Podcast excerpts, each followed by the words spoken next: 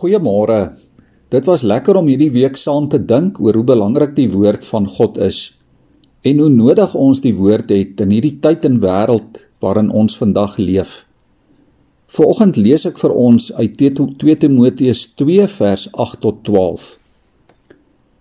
Onthou altyd dat Jesus Christus 'n nakomeling van Dawid uit die dood opgewek is. Dit is die evangelie wat ek verkondig.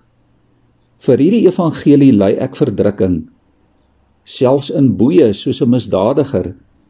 Maar die woord van God kan nie geboei word nie. Daarom verdra ek alles ter wille van die uitverkorenes, sodat ook hulle die verlossing wat daar in Christus Jesus is en die ewige heerlikheid kan ontvang. Dit is 'n betroubare woord. As ons saam met hom gesterf het, sal ons ook saam met hom lewe. As ons in die geloof volhard, sal ons saam met hom regeer. In vers 9 sê Paulus hierdie merkwaardige ding: Die woord van God kan nie geboei word nie. Hierdie woorde staan blykbaar op 'n pilaar van 'n kerk in Rome wat gebou is op die plek waar Paulus na bewering gevange gehou is. Paulus is in kettinge geboei en in afwagting op sy dood. Maar hy is nie moedeloos of wanhoopig nie.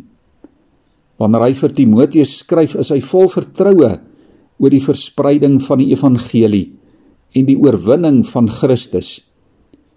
En Paulus moedig Timoteus aan om op die woord van God te bly vertrou.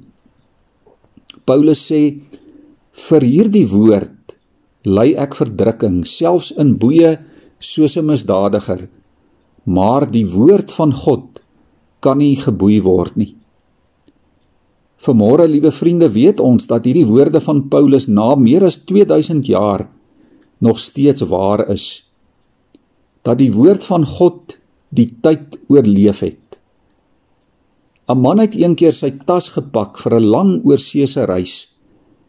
Hy kry toe nog 'n klein oop spasie in die tas en hy sê vir sy vrou: "Hier is nog baie plek vir 'n padkaart, 'n kompas, 'n lamp, 'n spieël, vir 'n swaard en 'n digbundel, ja selfs vir 'n klein biblioteek van 66 boeke."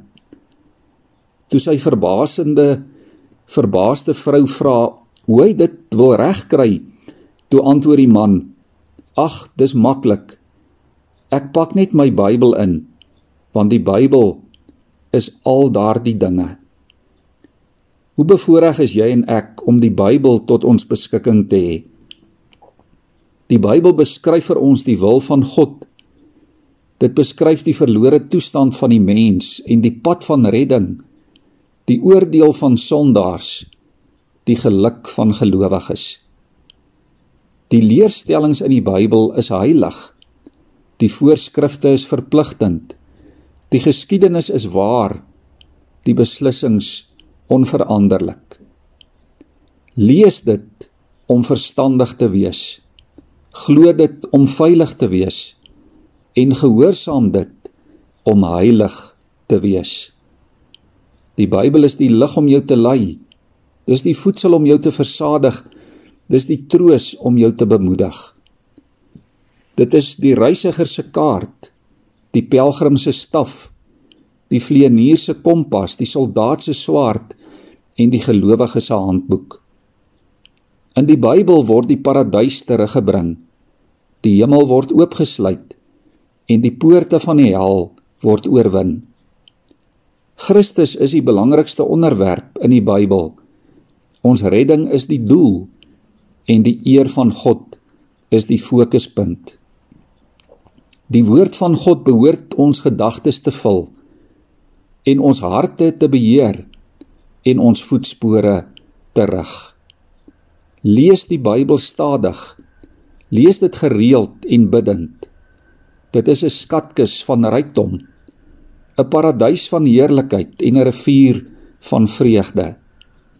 Dit word aan jou geskenk in hierdie lewe.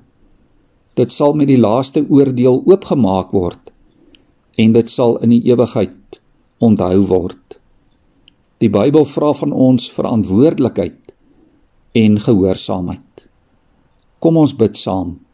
Here, dankie dat ons kan weet dat u woord nie geboei of gebind kan word nie. Dankie vir hierdie grootste geskenk van u woord wat u aan die mensdom gegee het. Dankie Here dat u woord ons vertroos en versterk en laat lewe. Maak ons getrou aan u woord dat ons niks sal doen of sal glo wat nie in lyn met u woord is nie. Dankie dat ons die gesig van Jesus in die woord kan sien. Maak ons gehoorsaam en laat ons getrou wees aan die woord. Amen.